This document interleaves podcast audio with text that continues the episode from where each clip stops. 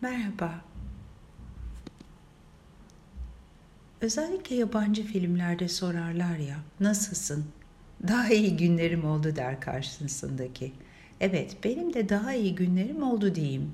Bu son zamanlardan ve yaşam hesaplarımdan galiba düşmem lazım bu hüzün saatlerini. Ama yakımızdaki hüzün çoğu zaman öyle yerleşiyor ki yüreğe, boş veremiyorsun uzunca bir süre.'' Umudu hep cepte taşıyoruz zaten de. Üstümüzü çıkarınca ve soyununca aynada bakıyorum. Acı bir yerlerde derime bir dövme gibi işlenmiş. Boyalarım çıkıyor ellerimden ama hüzün yıkansa da iziyle var.